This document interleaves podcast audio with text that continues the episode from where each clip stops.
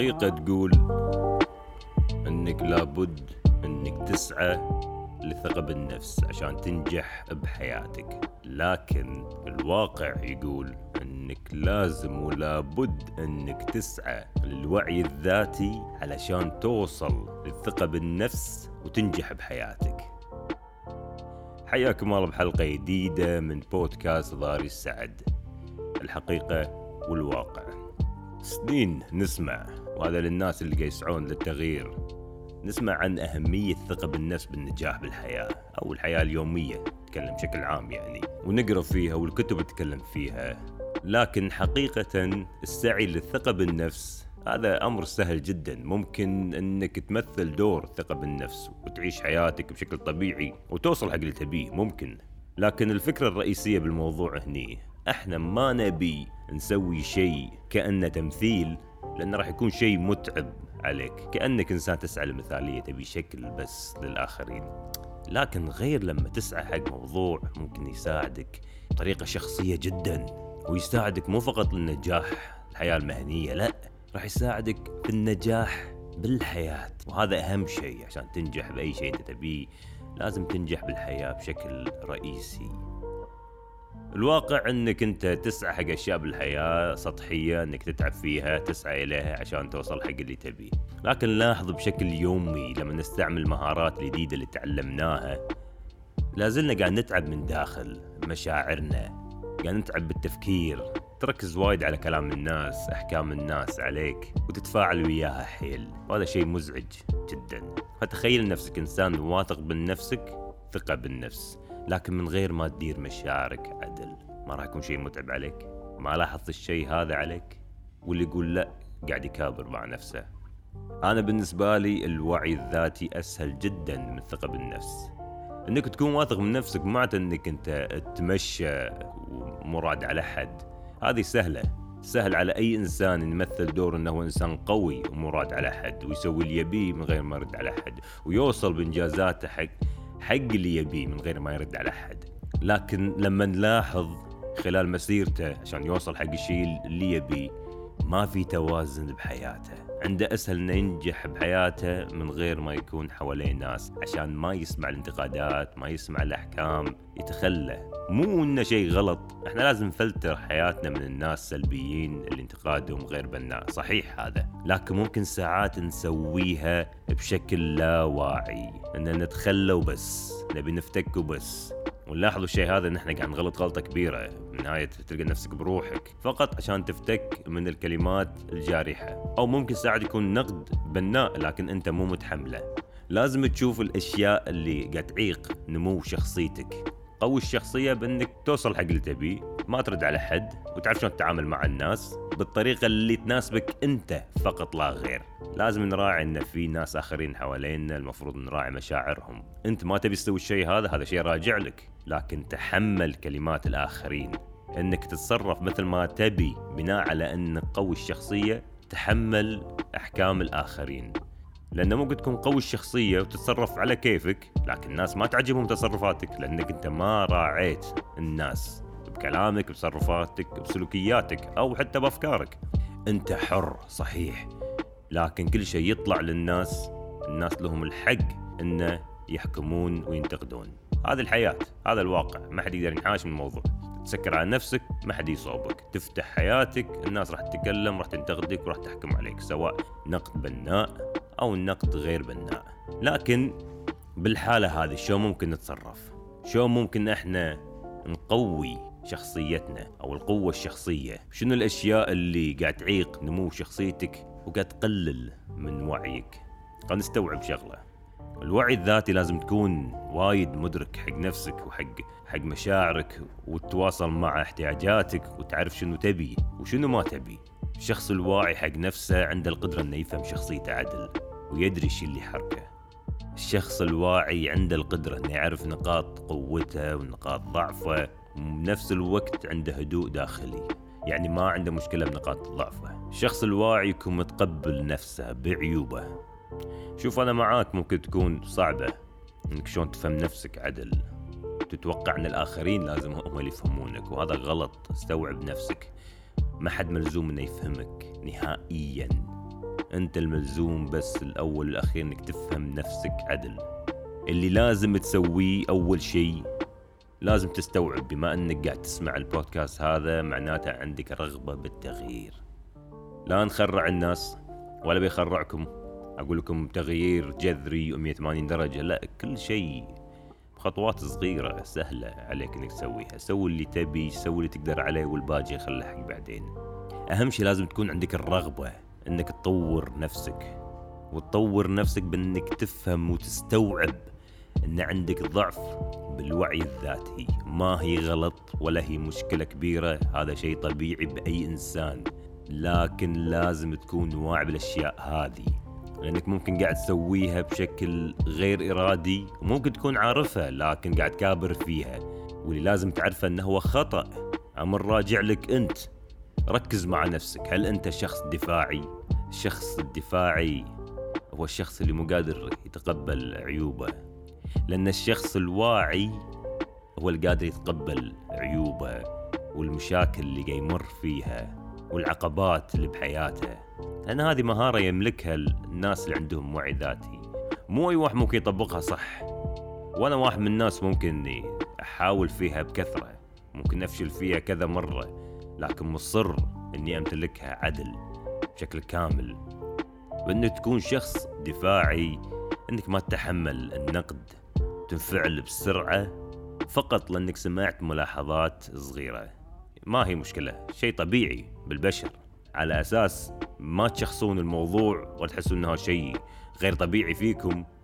لكن بعض الناس ممكن ينفعل وياخذ موقف دفاعي قوي جدا إذا حد وجه له نقد ولو كان قليل وبسيط. ممكن ساعات يكون نقد بناء لكن ما يبونه ولا يبون يستوعبونه. وصعب عليهم ان ينظرون لنفسهم لعيوبهم بشكل واقعي. عندهم هذا طبيعي. هذا إحنا كذي. ما ماكو مشكلة. ممكن تكون طبيعي أنت كذي لكن هل أنت قاعد تأثر على غيرك؟ هني الفكرة الأساسية. راح تكون لها تأثير سلبي على الآخرين وتعاملك معاهم. اللي عليك إنك تسويه إنك تاخذ كل هالملاحظات والنقد اللي قاعد تسمعها حواليك وتحولهم كأنهم تقييمات حق شخصيتك. وخذهم بطريقة عقلية مرنة تقبلها. لأن بالطريقة هذه راح تبني جسر بينك وبين ذاتك. وهذا اللي نبي نوصل له. وهالشيء راح يخليك تشوف نفسك من داخل أنت منو. لازم تشوف عيوبك وحسناتك عدل. عشان تسعى تصحح عيوبك وتقوي حسناتك. والدليل على قلة الوعي إنه ممكن تكون ما عندك أي سيطرة على مشاعرك. إنك تعرف نفسك يعني إنك تعرف مشاعرك. من الأدلة على ضعف وعيك إن ما تكون بقدرتك إنك تحدد مشاعرك أو اللي يسببها. ما عندك أي سيطرة عليها. وأنا واحد منهم على فكرة أو بلا صح كنت منهم. يمكن تحسنت مع الفترة. يمكن صعب علينا إن إحنا نحدد. بداخلنا صعب علينا نحدد الأسباب اللي خلتنا نعصب أو نرفز ومو قادرين نسيطر على مشاعرنا.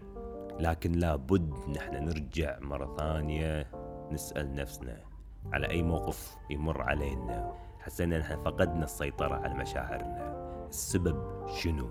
شنو اللي مرينا فيه؟ شنو السبب اللي خلانا نفقد السيطرة على مشاعرنا؟ نحدد المشكلة ونقدر نحلها وحتى لو ما قدرت تحل المشكلة على الأقل عرفت السبب والشيء ممكن يهديك التصرف الصحي إنك تتقبل المشاعر اللي تحوشك شلون ما كانت. تقبل المشاعر العاطفية اللي تمر فيها. وافهم الشعور اللي يمر عليك. تقبل المشاعر اللي تمر عليك شنو ما كانت. حاول إنك تفهمها. حاول إنك تتقبلها سواء كانت إيجابية أو سلبية.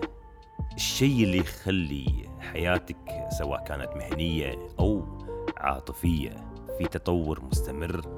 الشيء اللي يخلي حياتك المهنية أو العاطفية مستمره وفيها تطور بأحسن صورة إنك تكون شخص واضح ومرن مع الآخرين ايا كان الموقف. الوضوح دائما هو السر بالحل. تقبل الكلام اللي تسمعه وادخل في ثغرات الحديث اللي بينك وبين الآخرين. حاول إنك تقرأ ما بين السطور لا تركز على الكلام الرئيسي لإنك راح تفهمه غلط. لا تركز على الكلام الرئيسي كأنك قاعد تقرأ موضوع الحديث لا. أفهم كلامهم. حاول. مو عشانهم بس عشانك أنت عشان لا تفهم موضوع خطأ وتنفعل مع الموضوع. حتى لو الحديث كان خطأ أساسا تقبل فكرة الحديث تقبل الموضوع اللي تسمعه. خليك مرن جدا وياه. وبالأحرى قلة الوعي بالشخص وهذا توقعها أكيدة أنك ما تتحمل مسؤولية أخطائك. دائما نخلق الأعذار وهذا الشكل من عدم تقبل الأخطاء. لنفرض مثلا وقيسوها على أشياء ثانية أنتو تأخرت عن موعد. أقرب عذر راح تقوله أن الطريق كان زحمة أو المنبه عندك ما اشتغل. هذا يعتبر أسهل لك من إنك تعتذر إنك تأخرت. لكن الأشخاص ذو الوعي يترفعون عن موضوع إن يعتمدون عن أي حجج أو مبررات أو أو أي إعذار حق أخطائهم ويواجهونها بأنفسهم. وأغلاطهم يسعون لتغييرها وهالشيء راح يحسن من شخصيتهم. المثال هذا قيسوها بالحياة على كل موقف يمر عليك سواء كبير أو صغير. من الممكن أن تكون أعذارك حقيقية لكن الفرق بين الشخص الواعي وغيره من الناس إنه ياخذ أي موضوع يمر عليه ويتعلم منه من تجاربه السابقة يعني. ودائما يكون معترف بخطأه من غير ما تسيطر عليه مشاعر الغضب أو الإحراج. لأن ممكن أنت ترد علي تقول تقولي لا أنا إنسان واثق من نفسي تأخرت أو صار وياي أي موقف أقول الصج ما أختلق الأعذار. لكن شنو هي مشاعرك وأنت قاعد تقول الحقيقة. تأثيرها راح تأثر على القعدة اللي راح تقعدها أو الموعد اللي أنت رايح له. وايد راح تأثر على مشاعرك. راح تكون متنرفز متوتر مو على بعضك. لكن لما تكون واضح حقيقة الموقف وتتحمل مسؤولية أخطائك وتتكلم أرجع أقول مرة ثانية. قيسوها على الحياة. مهنيا عاطفيا هذه أهم شيء بالحياة هذه. مهنيا حياتك كإنسان تبي تنجح. مستحيل تكون إنسان ناجح وأنت تختلق الأعذار. خليك صادق. ما حد راح يقص رقبتك إنك تطلع خطأ أفضل ما إنك تختلق الأعذار وتكذب. يزعلون منك يضايقون منك ينتهي المشروع. وفي من الأشياء اللي معترف فيها وايد الناس تحس فيها. ودليل كبير على عدم الوعي. هو انك تكون إنسان غير راضي ابدا. إذا كنت ما تعرف نفسك عدل ما تعرف شو اللي تبيه من الحياة. وهذه مشكلة كبيرة مو مشكلة مصيبة. ما تدري شنو تحب ما تدري شنو اللي تطمح له. تسوي بس اللي تعتقد إنه هو صح بالوقت الحالي. لكن الشيء هذا ما راح يشبع طموحاتك ولا راح يرضي مستقبلك. شوف بدون الرابط اللي بين وعيك وبين اللي قاعد تسويه ما راح تكون قادر إنك توجه حياتك المهنية أو العاطفية. عمرك ما راح تشوف حياة مثمرة ناجحة بالطريقة اللي تبيها. ويمكن تعلق في مرحلة اللي لا بأس. عادي راضي بالشيء هذا. هذه مرحلة مو شيء بحياتك شيء معلق فيها. راح تقدر تحدد اللي تبيه راح تقدر تحدد اللي يحفزك بالحياة. بس مجرد إنك تتمكن من إنك تعرف نفسك عدل وتفهمها وشنو تحب وشنو ما تحب. عقل الإنسان يخرع وأنا دائما أقولها عقل الإنسان فيلم رعب. دائما عندنا أفكار مظلمة ما حد يدري عنها. دائما توجهاتنا ممكن تكون خطأ بناء على البيئة اللي إحنا فيها اللي حوالينا أو الحياة اللي مرنا فيها. فمن الأشياء اللي تعيق الوعي ما تطور قوة الشخصية إنك تكون عندك معتقدات ما مو قاعد تفهمها. وهذه موجودة بالمجتمع اللي إحنا فيه. كثر ما يتخرع كثر ما يضحك. مثل مثل تفلسف السياسة اللي إحنا قاعد نسمعها وايد أو الناس اللي قاعد تفتي بالدين وهي مو عارفة أو حتى الأخلاقيات. نشرحها مثل ما نبي من غير ما نفهمها. لازم تكون عندك معتقدات خاصة فيك انت طالعة من وعيك من خبراتك انت وتفهمها عن طريق طبيعتك وفهمك الداخلي. بدال لانك تمشي ورا معتقدات الآخرين على أن ربعك ولا الناس اللي تقعد معاهم أو المجموعة اللي تقعد معاها. مع الخيل يا شقرة. مو معناته إن إحنا نكون جزء من مجتمع. إن نمشي وراء المعتقدات الموجودة وأنا أدري إن من داخلي أنا ماني مؤمن فيها. فقط لأن غيري يقولها بالأجمع يقولها فأنا أمشي وراها على أساس إني ما أبي أكون مختلف عنهم. راح يكون شكلك غبي وأنت ماشي ورا معتقدات أنت ما تؤمن فيها ولا تفهمها. بس ليش إن أنت عشت حياتك ولا الناس اللي كبرت معاهم ولا الناس اللي قعدت وياهم؟